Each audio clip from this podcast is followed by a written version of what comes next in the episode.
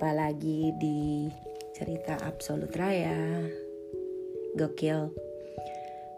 Halo dari Groningen, Belanda. Ya, karena krisis COVID ini akhirnya gue memutuskan untuk mempercepat lebih cepat tiga minggu, Bo dari yang harus direncanakan di tanah air akhirnya kembali sebelum semuanya lockdown dan gue stranded dan gue memilih untuk um, kembali bersama keluarga. Keluarga juga nggak jadi ke tanah air. Well pasti bukan cuman gue yang banyak rencananya berubah. Pasti juga kalian juga banyak yang kena dampaknya. Stay strong semua. Semoga masih nggak bosan dengan pembahasan ini.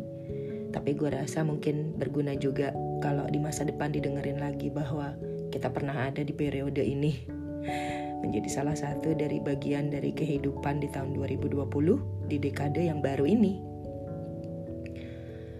Ya nggak habis-habis. Kali ini um, gue pengen sharing perasaan gue tentang mental health.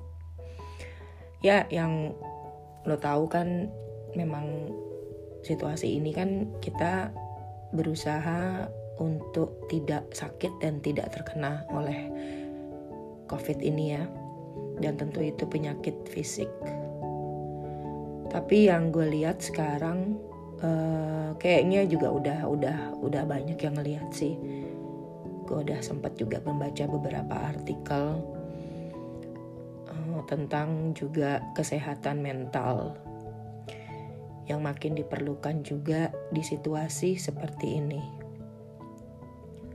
Kegiatan um, balancing mental itu sebetulnya ya udah didengung-dengungkan juga sih bahwa kesehatan mental itu juga penting. Gak hanya kita uh, lihat kesehatan fisik. Gue tuh yang um, makin ke sini makin berpikir gitu terus terang salah satu alasan kenapa gue balik ke Belanda juga karena gue agak susah juga ternyata untuk social distancing dan mempraktekkan semua di tanah air. Yaitu kayak yang gue sharing di podcast gue sebelumnya bahwa ya gue pulang gue mau kangen-kangenan dan gue pengen deket-deketan sama semua orang. Gue pengen ketemu gue nggak pengen di rumah. Kalau gue dari rumah dengan video call ya apa bedanya gue di sini cuman bedanya nggak ada makanan online yang enak-enak gitu sih.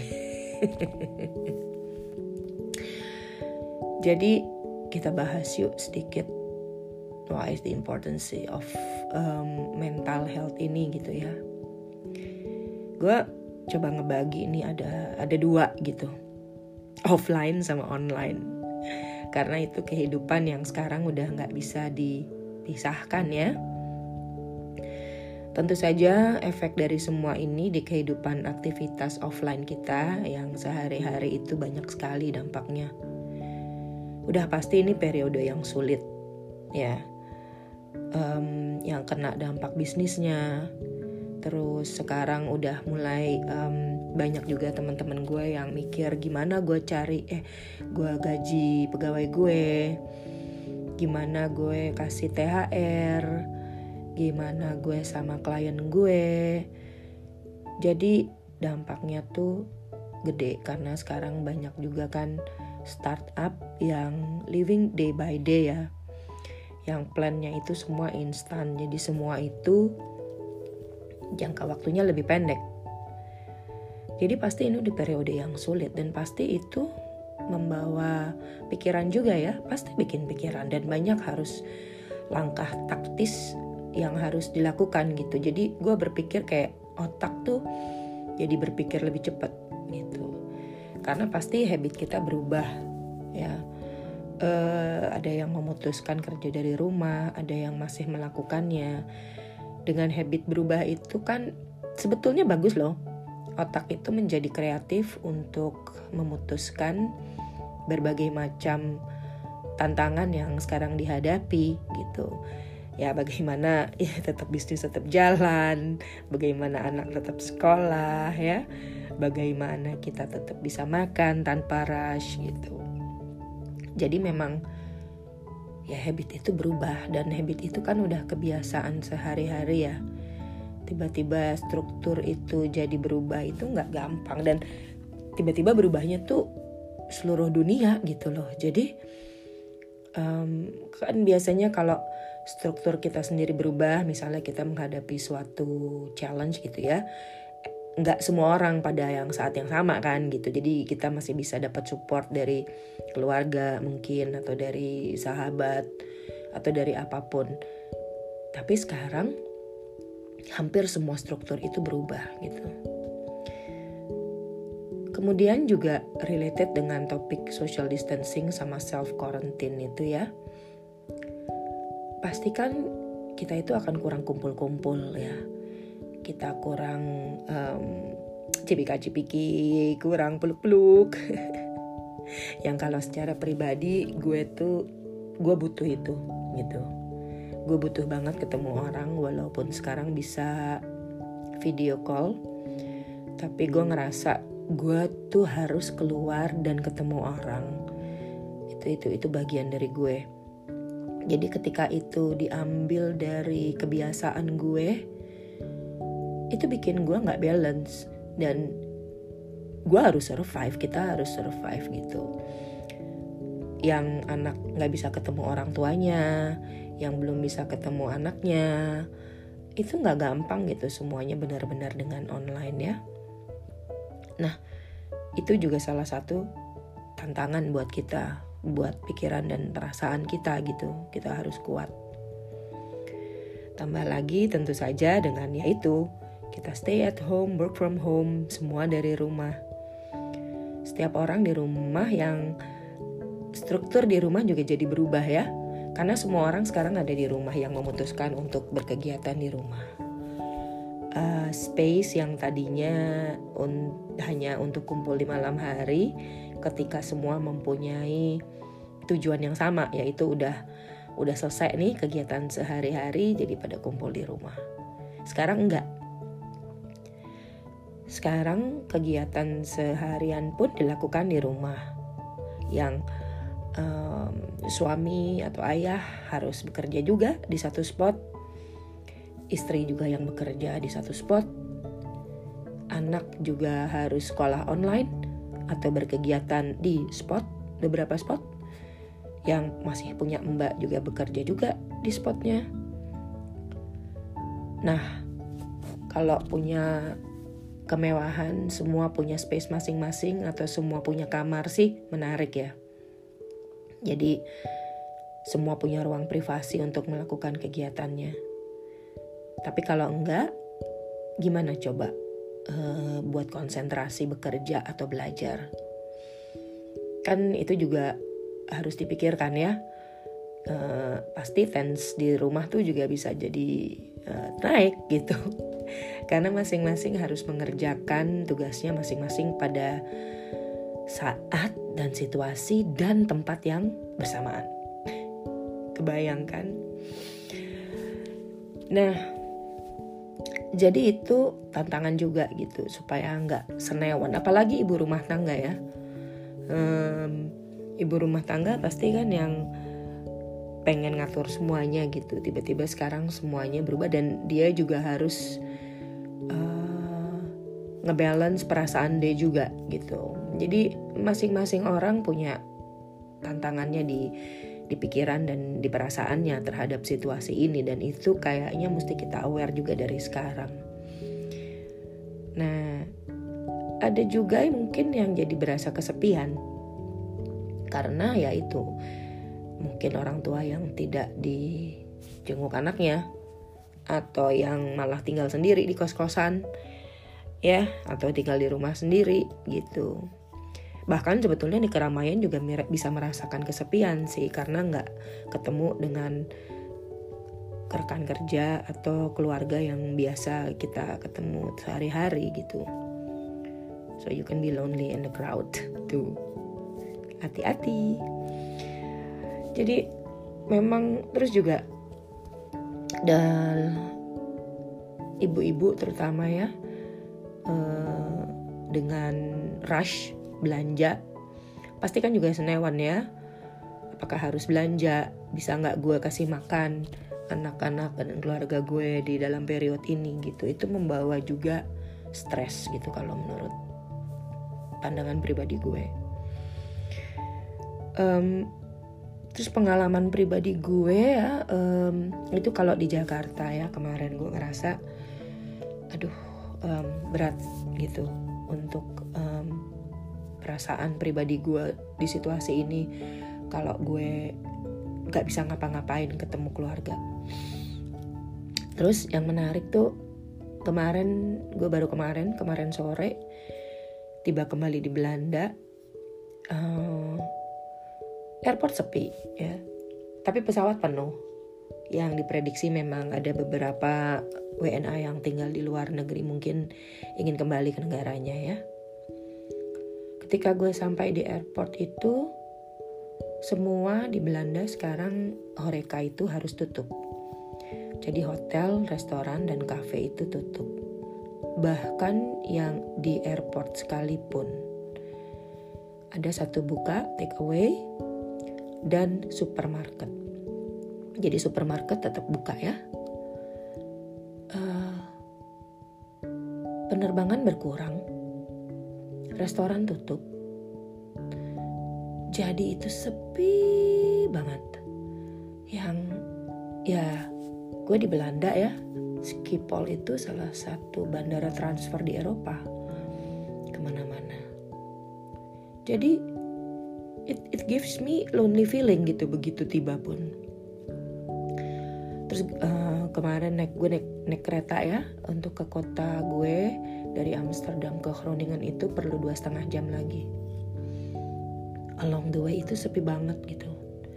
Keretanya sepi uh, stasiunnya sepi.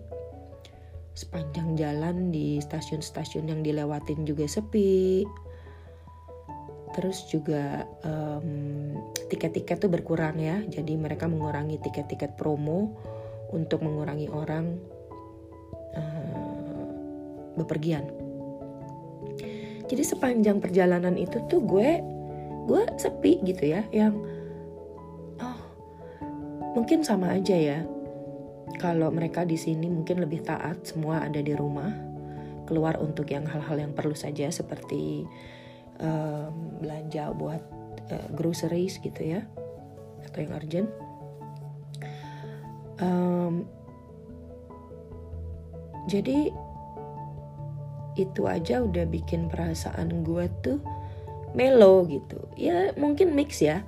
Melo galau sedih yang gitu gitulah gitu. Jadi itu langsung gue damn gitu. Ini ini tuh mental kita juga harus harus harus di diperhatiin gitu.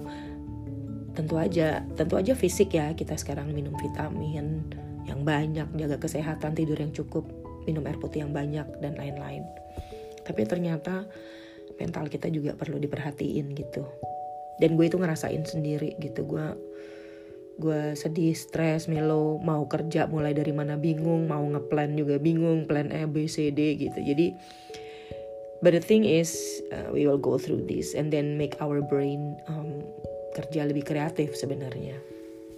I know that gitu, tapi tetap aja ya manusia. Itu kalau di offline tuh, di di, di kegiatan sehari-hari yang, nah kalau di online gitu itu dampaknya juga gede loh. WhatsApp grup lah. Ya. Ini mah top banget. Sampai WhatsApp grup yang mati suri ya yang bener-bener kayaknya udah dilupain gitu sama anggotanya itu sampai on loh di situasi ini. Jadi itu sebetulnya bagus. Tapi isinya itu yang kadang-kadang bisa bikin tanpa kita sadari itu hoax atau bukan atau apalah gitu ya. Yang memberikan kadang-kadang kita nggak langsung percaya.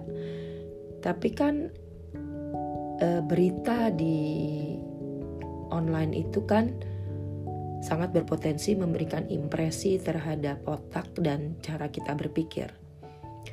Walaupun kita tidak menyetujui atau kita tidak melakukan yang disarankan oleh pesan yang kita terima, tapi otak dan perasaan kita itu menyimpan impresi terhadap pesan itu. Jadi pasti ada efeknya sedikit banyak ya terhadap pikiran kita dan feeling kita. Belum lagi clickbait yang mengarahkan itu kadang-kadang suka menjebak. Tentu saja berita-berita di offline dan online ya. Pers conference tiap hari dan itu benar gitu ya. Itu memang harus kita ikuti gitu karena itu arahan-arahan dari pemerintah setempat tentunya. Tapi bagaimana kita bisa menseleksi mana yang kita ikuti anjurkan itu kadang-kadang orang suka susah ya. Jadi semua kegiatan online itu juga bisa memberikan dampak terhadap emosi kita, terhadap mental kita. Belum lagi diskusi-diskusi di grup-grup juga ya. E, semua ibaratnya jadi ahli nih di situasi ini. well, um, ya gitu. Jadi gue ngerasa kita tetap harus aman sehat. Hidup sehat itu tidak hanya ji, eh, raga tapi juga jiwa. Kita mengingatkan diri kita supaya healthy habits gitu. Cuci tangan, minum vitamin, tidur yang cukup, makan yang banyak, minum yang cukup. Tapi juga bagaimana kita tetap balance supaya pikiran, hati, dan mental kita juga sejalan. Yang punya uh, spiritualitas juga mungkin ini salah satu solusi yang meditasi dengan caranya sendiri juga sebetulnya di situasi seperti ini malah banyak waktu cuman karena kita masih terus berevolusi dengan pikiran dan situasi seperti ini memang gak gampang tiba-tiba switch ke spiritual ya aduh Aku sendiri terasa curhatanku ini agak melo. But that's how I feel. Kenapa mental itu ternyata juga perlu di situasi ini untuk kita tetap waras. supaya kita nggak drama juga dan supaya kita tidak membuat panik society karena um, kalau mental kita dan kita jiwa dan raga kita balance pasti kita juga lebih bisa membantu lingkungan kita dan bersama-sama membuat semua ini menjadi lebih baik. So, yuk uh, kita bersatu, jiwa dan raga kita bersatu agar badai ini cepat berlalu. Di rumah aja, work at home, uh, stay healthy mentally and physically. I love you semua jangan sakit-sakit jangan um, ignorance sampai sampai sini dulu kalau ada topik komen ide baru atau apa pun colek di Absolute Raya have a nice day semua Dudu.